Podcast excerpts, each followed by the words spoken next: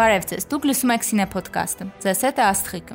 Շարունակում ենք սովետական ավանգարդի թեման։ Այսօր կխոսեմ ուղղության եւ իթե ամենավառ ներկայացուցիչ Սերգեյ Էյզենշտեյնի մասին։ 1917-ի հոկտեմբերյան հեղափոխությունից հետո արվեստի շատ գործիչներ համարում էին, որ նոր կարգերին պետքա նոր արվեստ։ Նրանք Մայակովսկին, Մերխոլդը, Էյզենշտեյնը մերժում էին հինն ու ավանդականը։ Օրինակ Ստանիսլավսկու թատրոնը ու փորձում էին ինչքան հնարավոր է նորարար լինել։ 1923 թվականին հրապարակվեց Էյզենշտեյնի մոնտաժ ատրակցիոնով հոդվածը։ Այստեղ նա նկարագրում էր մոնտաժի իր տեսությունը, իր ռեժիսորական մեթոդը, որը օբյեկտները, գաղափարները, սիմվոլները ցույց է տալիս բախման մեջ, որ เป զի հանդեսատեսի վրա որոշակի էմոցիոնալ ազդեցություն թողնի։ Այսինքն Էյզենշտեյնը նկարված կադրերը կտրտում էր ու համադրում նենց, որ հնարավորինս շոկային ստացվի ու մարդկանց մոտ հենց իր ուզած զգացմունքներն ու մտքերն առաջացնի։ Ու եթե Կուլիշովի էֆեկտը փաստում էր, որ երկու կադր միասին դնելով կարելի նոր պատկեր ստանալ, Էյզենշտեյնն ասում էր, որ այդ նոր ստացված պատկերը, միտքը պետք է օգտագործել մարդկանց վրա ազդելու ու նրան զարմացնելու համար։ Ու երբ իրեն հարցնում էին, ինչ ինքը նկատի ունի ատրակցիոն ասելով, արդյոք դա ընդհանրեն ինչ որ տրուկներ են, ինքն ասում էր, որ չէ, դրանք տրուկներ չեն։ Դրանք տարբեր տեխնիկաներ են, որ օգտագործվում է մարդկանց գրավելու համար։ Հենց այդտեղից էլ գալիս է բառը ատրակցիոն, այսինքն ինչ որ մի բան, որը գրավիչ է, ձգող։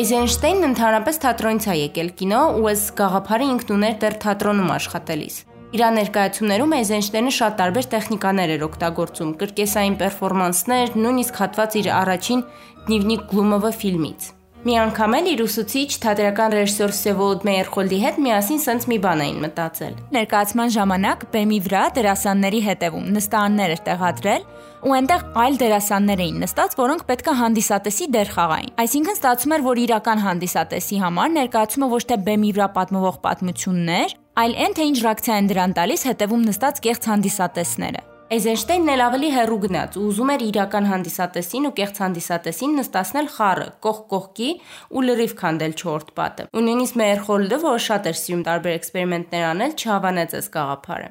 Ինձ թվում է, սենց պերֆորմանսներ հիմա 21-րդ դարում են անում ու դրանք համարվում են նոարական, պոստմոդեռնիստական, բայց Էյզենշտեյնը նմանատիպ բաներ անում էր դեռ 100 տարի առաջ։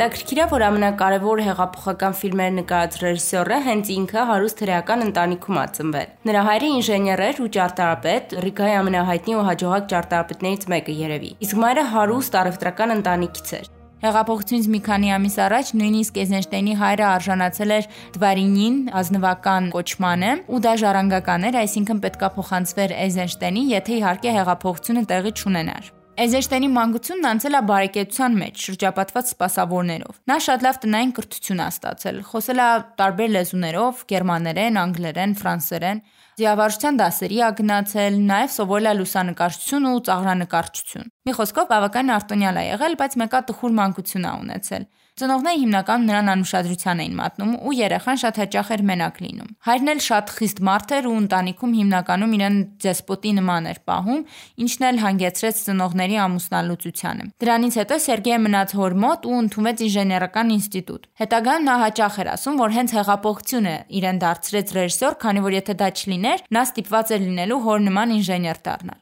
1917-ին Էյզենշտեյնին զորակոչեցին բանակ, բայց տեղի ունեցավ հեղափոխությունը ու սկսվեց քաղաքացիական պատերազմը։ Նրա հայրը տեղափոխվեց Բերլին, իսկ Սերգեյը որոշեց միանալ Կարմիր բանակին։ Տարբեր աշխատանքներ էր անում հերախոսավարությունից մինչև սակրավորություն, բայց ամենակարևորը հենց ռազմաճակատում Էյզենշտեյնը հետաքրքրվեց թատրոնով։ Ագիտացիոն գնացներում նա զբաղվում էր ներկայացումների բեմադրությամբ, դեկորացիաների պատրաստմամբ, նաև հենց ինքն էր խաղում։ Ու երբ 1920 թվականին վերադարձավ Մոսկվա, միանգամից աշխատանքի ընդունվեց առաջին բանվորական թատրոն Պրոլետկուլտ ու ծանոթացավ թատերական ռեժիսոր Վսևոլոդ Մեյերխոլդի հետ։ Հենց այստեղից էլ կարելի ասել սկսում է Էյզենշտեյնի գործունեությունը արվեստում։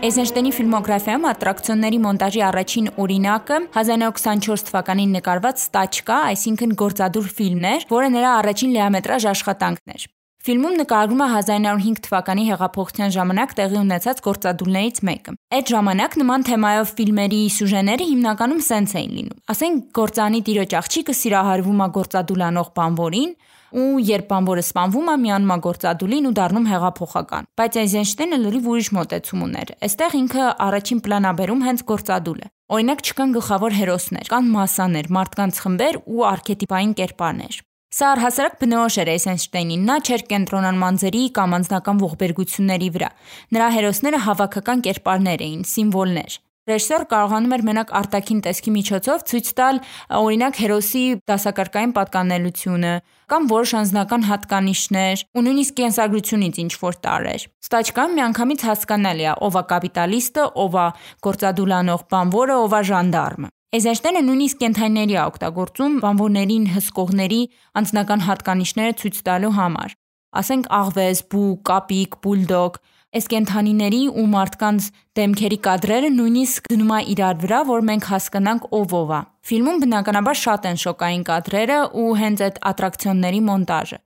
Օրինակ, երբ սպանում են գործադուլավորները, զուգահեռ կադրում մենք տեսնում ենք, թե ոնց են կենթայիների մորթում ու դա շատ տպավորիչ է ու շատ մեծ ազդեցություն է թողնում հանդիսատեսի վրա։ Զգացվում է նաև գերմանական էքսպրեսիոնիստական ֆիլմերի հետ զուգահեռներ։ Օրինակ, կապիտալիստների առաջ դրված քարտեզները կամ ֆիլմի ամենավերջին կադրը, երբ խոշոր պլանով հանդիսատեսի վրա աչքեր են նայում։ Այս կադրը ուղղակիորեն հղում է բժիշկ Մաբուզե խաղամոլը ֆիլմին։ Երկու էլ կադրը շատ կարճ է տևում ու Մաբուզեում ունի ինչ-որ հիպնոսային էֆեկտ, իսկ Ստաչկամ ընդհանրապես հակառակը՝ կոչ անող, արթնացնող։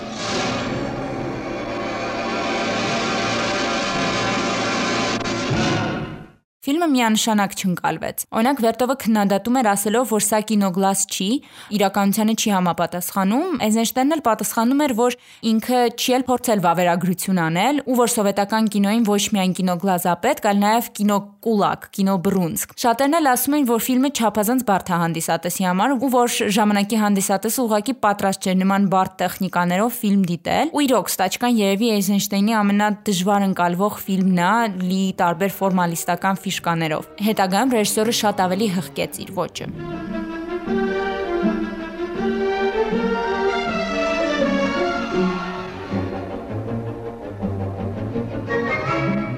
Նախնական մտահղացմամբ ստաչկան պետքա լիներ դիկտատուրե, այսինքն դեպի բռնապետություն, 8 մասանոց շարքի, մասերից մեկն ընդամենը, պետքա լինեին նաև ֆիլմեր գրականության կոնտրոբանդայի, ընդհատակյա հրատարակչությունների, ձերբակալությունների ու աքսորների մասին, բայց հաջողվեց մենակ ստաչկան նկարահանել։ Կիսատ մնացած պրոյեկտներ ու չնկարված ֆիլմեր շատ կան Էյզենշտեյնի ֆիլմոգրաֆիայում, կամ էլ ֆիլմեր, որ պետքա շատ ավելի ծավալուն լինեին, բայց ժամանակի սղության պատճառով ավելի կարճ ստացվեցին։ Օրինակ հաջորդ ֆիլմը Բրենինոսից Պատյոմկինը, որը նույնպես 1905 թվականի մասին է, պետք է ընդգրկեր ամբողջ հեղափոխությունը, իրադարձություններ Պետերբուրգում ու Մոսկվայում, ռուս-ճապոնական պատերազմը ու նույնիսկ հայ-ադրբեջանական բախումները Անդրկովկասում։ Արդեն պլանավորել էին ամբողջ երկրով մեկ նկարահանումները, բայց քանի որ կառավարությունը պատվիրել էր ֆիլմն ավարտին հասցնել առաջին հեղափոխության 20-ամյակին, Էյզենշտենը որոշեց մենակ մի էպիզոդի վրա կենտրոնանալ։ Ֆիլմը պատմում է Սևծովյան նավատորմի ռազմական նավերից մեկի Նավաստինեի ապստամբության մասին։ Ամեն ինչ սկսում է նրանից, որ նավաստիներին ворթնած միս են տալիս ու նրանք հրաժարվում են այդ ուտելիքից։ Էյզենշտենի մոտ հաճախ է ֆիլմը սկսում մարդու արժանապատվության վիրավորանքով։ Օրինակ ստաչկայում բամբոներից մեկին մեղադրում են գողության մեջ։ Այստեղ էլ ուտելիքի ու աշխատանքային վատ պայմանների հարցնա։ Մի բան է պատահում ու հետո գործողությունները ձնագնդի էֆեկտով կայծակնային արագությամբ զարգանում են։ Այստեղ էլ ստաչկայի նման չկան գլխավոր հերոսներ։ Ուշադրության կենտրոնում մասաներն են, մարդկանց խմբերը։ Միակ կերպարը, որ առանձնանում է Նավաստի Վակուլենչուկն է, որի շնորհիվ էլ կարելի ասել սկսեց ապստամբությունը ու որը առաջինը զոհվեց։ Բայց Վակուլենչուկը այստեղ անց չի։ Նա հեղափոխության ապստամբության սիմվոլն է, ու հենց նրա մահն է դրթում Օդեսայի բնակիչներին էլ ապստամբել։ Ի տարբերություն ռեժիսոր Պուդովկինին, ով կենտրոնանում էր անձնական ողբերգությունների վրա, Էյզենշտեյնի մոտ մարդիկ հավաքական կերպարներ են սիմվոլներ, հանդիսատեսի վրա ազդելու ատրակցիոններից մեկը։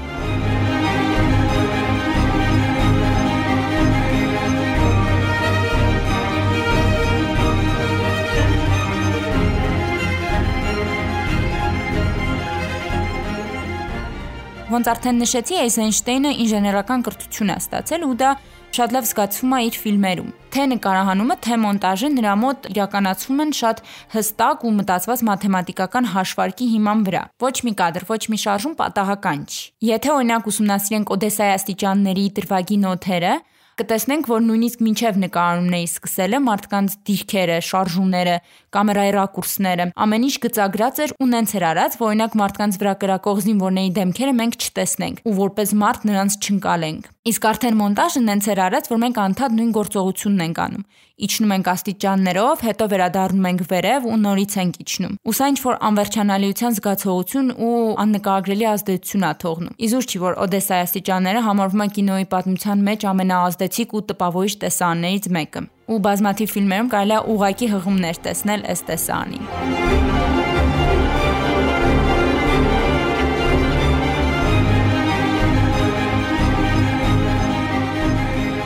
Ֆիլմի վերջին հատվածում արդեն տեսնում ենք, թե ոնց է Բրանյունոսը պատրաստվում մարտի բռնվել ցարական նավատորմի հետ։ Իրար հաջորդում են մի քանի կադր։ Նավի տեխնիկայի աշխատանքը, մարդկանց դեմքերը, ծովի ալիքները։ Այստեղ Էյզենշտեյնը հասնում է նրան, որ կադրի լարվածությունը փոխանցում են ոչ միայն դերասանները, այլ այս բոլոր տարրերը միասին։ Ու իհարկե շատ տպավորիչ է ինտեգրված տեխնիկայի աշխատանքը։ Դա շատ տարածված բան է ժամանակի կինոյում։ Հաճախ կարելի է տեսնել ինդուստրիալիզացիայի, տեխնիկական առաջընթացի արտացոլումը ֆիլմերում։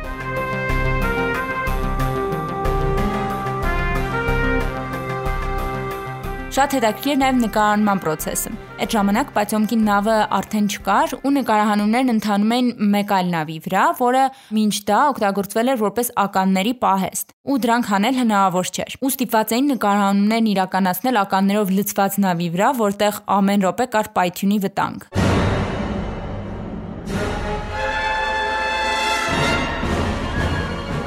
Մյուս հետաքրքիր փաստել կապված է դրոշի հետ, Տեսաններից մեկում նավաստիները բարձրացնում են սովետական կարմիր դրոշը, բայց քանի որ ֆիլմը սև ու սպիտակ է, եթե սովորական ձևով նկարեին, դրոշը բնականաբար սև կլիներ, ու փոխարենը Էյզենշտեյնը որոշում է սպիտակ դրոշ օգտագործել նկարումների ժամանակ ու հետո արդեն պատրաստի ժապավենի վրա նրանք ձեռքով ներկում են բոլոր կադրերը, որտեղ դրոշն է երևացել, ու այդ ծև սպիտակ ֆիլմի մեջ հանկարծ կարմիր դրոշ տեսնելը աննկարագրելի տպավորություն էր թողնում ժամանակի հանդիսատեսի վրա։ Մինչև հիմա էլ երևի մարդիկ նույնձև զարմանում են ֆիլմը դիտելիս։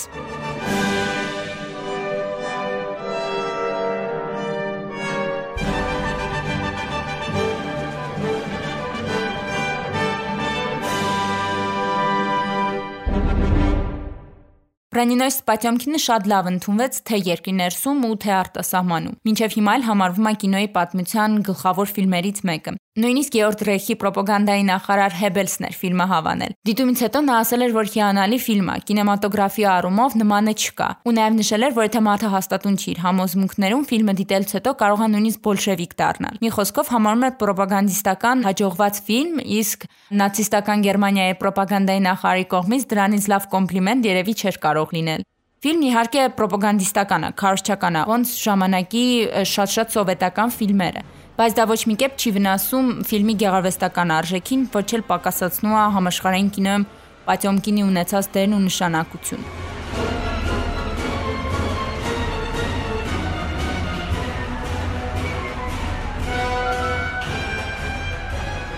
Էյզենշտեյնի հաջորդ ֆիլմը հոկտեմբերն է, որն էլ պլանավորվում էր ցուցադրել արդեն 1917-ի հեղափոխության 10-ամյակին, բայց նույնիսկ քանի որ ժամկետները շատ կարճ էին, դա անել չհաջողվեց ու ֆիլմը դուրս եկավ 1928-ին։ Ոնց անունն է հուշում, ֆիլմը հենց հոկտեմբերյան հեղափոխության մասին է ու ժամանակավոր կառավարության նկատմամբ բոլշևիկների հաղթանակի։ Բրոնյոսի մեծ հաջողությունից հետո հենց Էյզենշտեյնին հանձնարարեցին ֆիլմը նկարահանել ու դրա համար նրան ահռելի ռեսուրսներ տրամադրեցին, թե տեխնիկայի, թե հակոստների, թե զենքերի առումով։ Նրան նույնիսկ թույլատրել էին բանակի որոշ ստորաբաժանումներ օգտագործել նկարանումների ընթացքում։ Արդյունքում ստացվել էր 4 ժամանոց ֆիլմ, որից սակայն Էյզենշտեյնը ստիպած էր մոտ 1/3 կտրել, քանի որ ֆիլմում շատ էին կադրերը Լև Տրոցկիի մասին, իսկ սովետական միությունում արդեն քաղաքական դրամատրությունները փոխվել էին ու Ստալինը այլևս չէր ուզում ոչ մի կադր նրա մասին ֆիլմում տեսնել։ Հոկտեմբերում Էյզենշտեյնը որոշեց ավելի շեշտել այն, որ հին կարգերը սպառվել են, Այստեղ ամենահատկանշականն իհարկե գեներալ Կարնիլովի ապստամբության տեսարանն է։ Բոլշևիկներից ազատվելու համար գեներալ Կարնիլովը Կովկասում զորքեր է հավաքում ու գնում է դեպի մայրաքաղաք։ Ապստամբության լոզունգն է «Во имя Бога и Родины»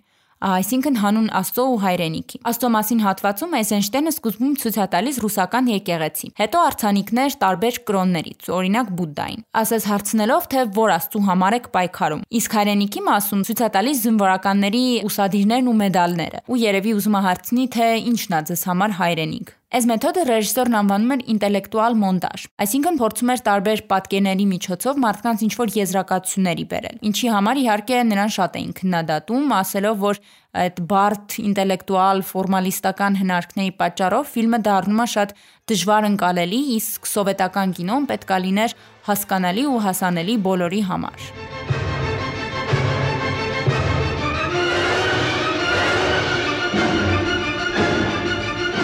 Էյզենշտեյնը վավերագրությամբ չէր զբաղվում։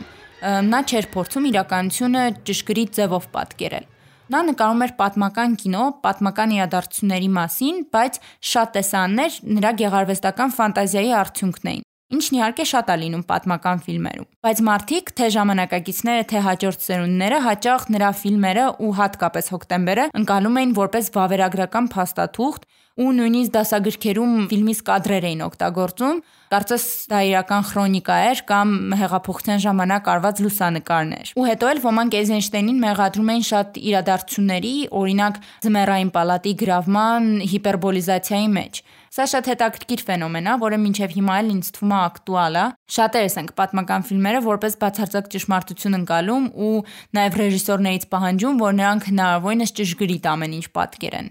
Ինչպես եւ ռեժիսորի նախորդ ֆիլմերում, այստեղ էլ պրոֆեսիոնալ դերասաններ համարյա չկան։ Նույնիսկ Լենինի դերը խաղում է սովորական բանվոր, որն ուղղակի արտակնապես էր նման առաջնորդին։ Էյզենշտեյնը հատուկ էր հրաժարվում կինոյի աստղերի հետ աշխատելուց, քանի որ չէր ուզում, որ դերասանական խաղը առաջին պլան դուրս գա։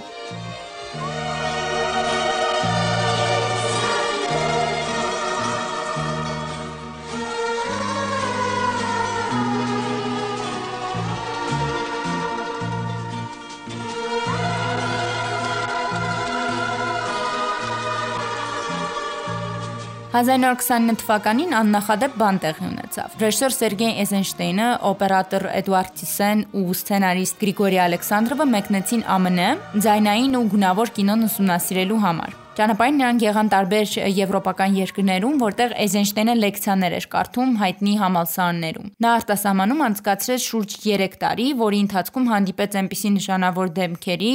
ոնց օրինակ Walt Disney, Charlie Chaplin-ը, Frida Kahlo-ն։ Նա նույնիսկ պայմանագիր էր կնքել ամերիկյան Paramount ստուդիայի հետ, Թեոդոր Դրայզերի ամերիկյան ողբերգությունը էկրանավորելու համար, բայց այդ համագործակցությունը չստացվեց։ Փոխարենը ամերիկացի սոցիալիստ քաղաքական գործիչ Էպտոն Սինկլերի ֆինանսական աջակցությամբ Էյզենշտեյնը մեկնեց Մեքսիկա նկարելու Կեցե Մեքսիկա ֆիլմը, որը պատմեր մեքսիկական ժողովրդի պայքարի մասին, բայց բյուջեի քիչ լինելու պատճառով ֆիլմը անավարտ մնաց, երբ Սինկլերը դիմեց ԽՍՀՄ ղեկավարությանը հույս ունենալով, որ նրանք կաջակցեն նկարահանումներին, անսպասելի տելեգրամ ստացավ Ստալինից, որտեղ նշվում էր, որ ԽՍՀՄ-ում այլևս վստահություն չկա Էյզենշտեյնի նկատմամբ ու որ նրան շատերը դասալիք են համարում։ Ռեժիսորը ակնարկը հասկացավ ու անմիջապես վերադարձավ սովետական միություն։ Իհարկե նա կարող էր մնալ արտասահմանում, բայց նա ԽՍՀՄ-ին էին նրա հարազատները, որոնք այդ դեպքում ուղղակի պատանդ կդառնային, ու բացի այդ Էյզենշտեյնն ամեն դեպքում իր գործունեությունը սովետական միությունում էր հենց պատկերացնում։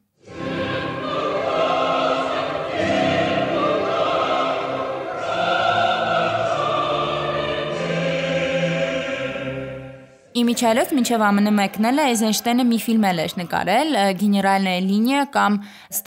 Nove անունով, անունը փոխվել է Ստալինի ցանկությամբ։ Այս ֆիլմը գյուղատնտեսության մասին է, որը մի քիչ զարմանալի ընտրություն էր, որովհետև թվում էր թե այս թեման ընդհանրապես չի հետաքրքրում Էյզենշտեյնին։ Ֆիլմում գյուղ են բերում մի նոր սարք, որը օգնում է գյուղացիներին կաթից սերուցք ստանալ։ Գյուղացիները սկզբում շատ կասկածանքով են վերաբերվում այս սարքին, բայց հետո հասկանում են, թե ինչքան հեշտանում է իրանց կյանքը։ Մի խոսքով սովորական սովետական ագիտացիոն ֆիլմ է, բայց այստեղ մի քիչ ծաղրական բան կա։ Սովետական գյուղերը այդ ժամանակ արդեն գտնվում էին ծայրահեղ աղքատության մեջ ու Պարզեր, որ ոչ մի սարքել չէր կարող իրավիճակը փոխել, Ու այս ֆիլմում զգացում է դա հատկապես այն տեսարանում, որտեղ գլխավոր հերոսուին երազ է տեսնում ապագայի սովխոզի մասին, որտեղ ամեն ինչի ասքան չա ու նույնիսկ ինտերտիտրերում նշվում է, որ սա երազ չի, սա իրականություն է, բայց մեկը զգացվում է, որ ռեժիսորն էլ դրան չի հավատում ու որ սա ավելի շատ հենց մոդեռնիզացիան հնարինության մասին է։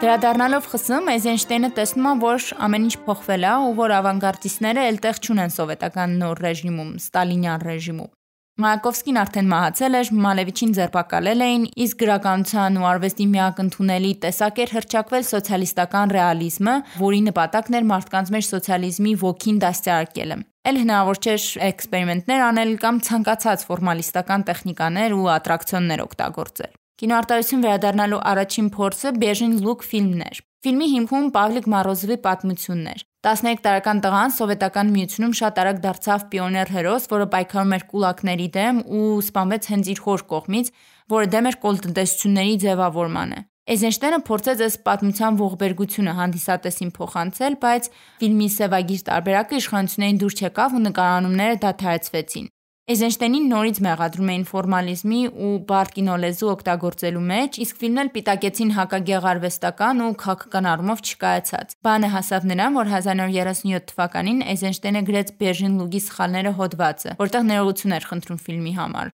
Հոդվածը շատ նվաստացնող էր ու ոնց սովետական կինո քննադատներից մեկն է նշում, այստեղ Էյզենշտեյնը ներողություն էր խնդրում ուղղակի նրա համար, որ ինքը Էյզենշտեյնն է։ Ֆիլմի միակ նմուշը ըստ լեգենդի կորավ հայրենական պատերազմի ժամանակ, երբ Մոսֆիլմի ստուդիան էվակուացվել էր, բայց որոշ կադրեր պահպանվել էին, որոնց հիման վրա էլ 1967-ին ստեղծվեց Pierre Luc 30 րոպեանոց ֆոտոֆիլմը։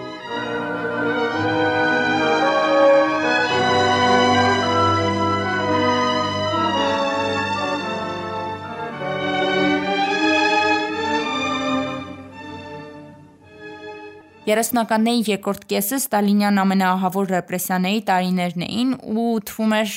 էլ ոչ մի բան չի կարող փրկել Էյզենշտեյնի գործունեությունը ու նույնիսկ կյանքը, բայց նկարանվեց Ալեքսանդր Նևսկին ու ամեն ինչ փոխվեց։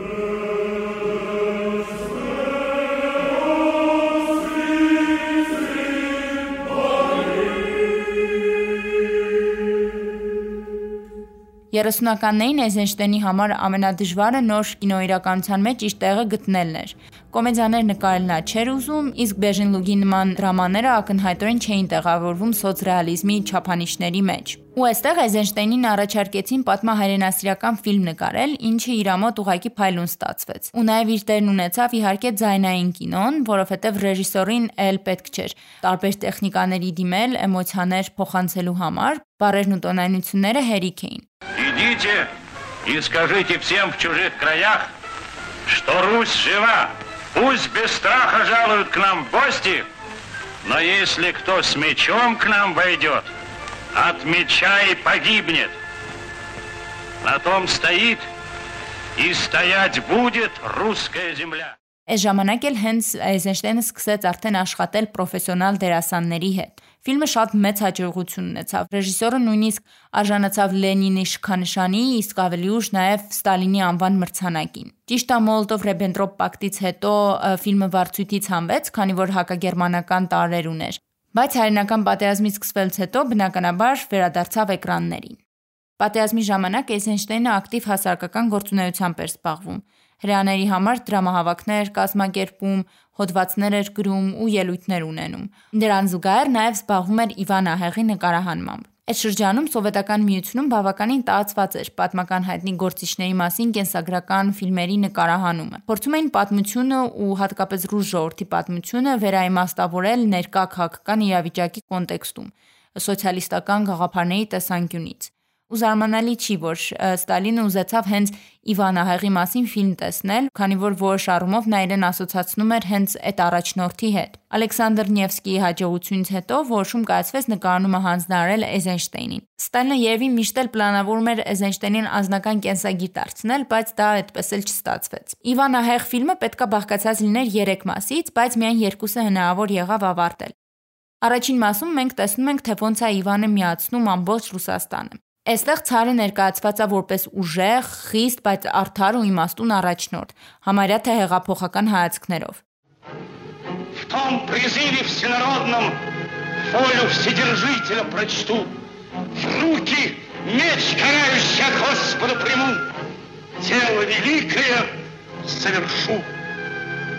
Пали, пали,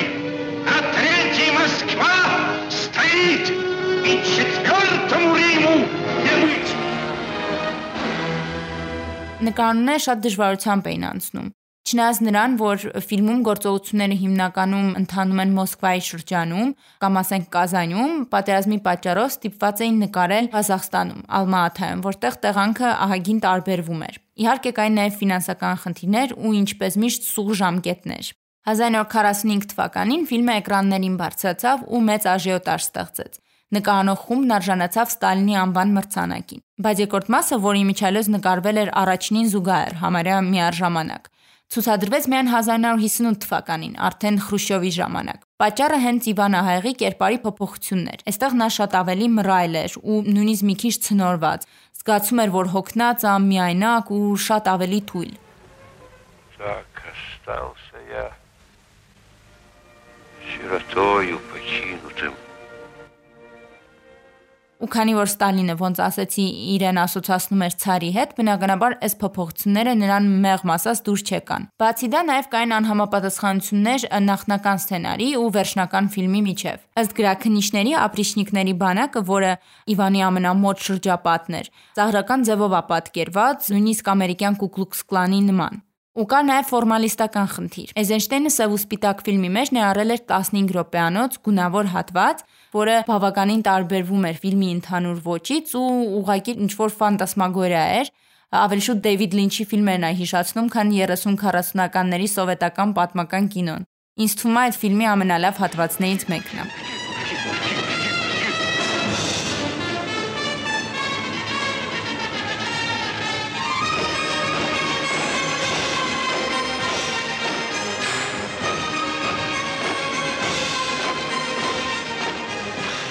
Արդյունքում ֆիլմն արգելվեց, բայց Էյզենշտեյնին դա հանգիստ չէր տալիս, նա անընդհատ նամակներ էր գրում Ստալինին ու խնդրում էր ընդունել իրեն, ու վերջապես 1947 թվականին հանդիպումը տեղի ունեցավ։ Էյզենշտեյնը գլխավոր դերակատար Նիկոլայ Չերկասովի հետ միասին ահավոր քննադատության ենթարկվեց, բայց ամեն դեպքում վերջում որոշում կայացվեց ֆիլմը վերանկարահանելու բայց 1948 թվականին Էյզենշտեյնը մահացավ սրտի կաթվածից ու աշխատանքները անավարտ մնացին։ Ֆիլմն էլ հետագայում դուրս եկավ օրիգինալ տարբերակով։ Իսկ երրորդ մասից միայն սցենարն է մնացել ու մի քանի կադր։ Թե Ալեքսանդր Նևսկու, թե Իվան Ահեղի համար Էյզենշտեյնին շատ էին քննադատում պատմական անճշգրտությունների համար, ոնց Բրանինոյսիցի կամ Հոկտեմբերի դեպքում։ Բայց դե ոնց արդեն նշել եմ, Էյզենշտենը երբեք էլ չէր հավակնում իրականությունը հնարավորինս ռեալիստական պատկերել։ Նա ուզում էր զարմացնել, տպավորել, հիացնել ու անում էր դա աննկարագրելի դժվար պայմաններում։ Գրաքննության ու բոլոր ժամանակների ամենասարսափելի բռնապետներից մեկի ուրشادիր հայացքի ներքո։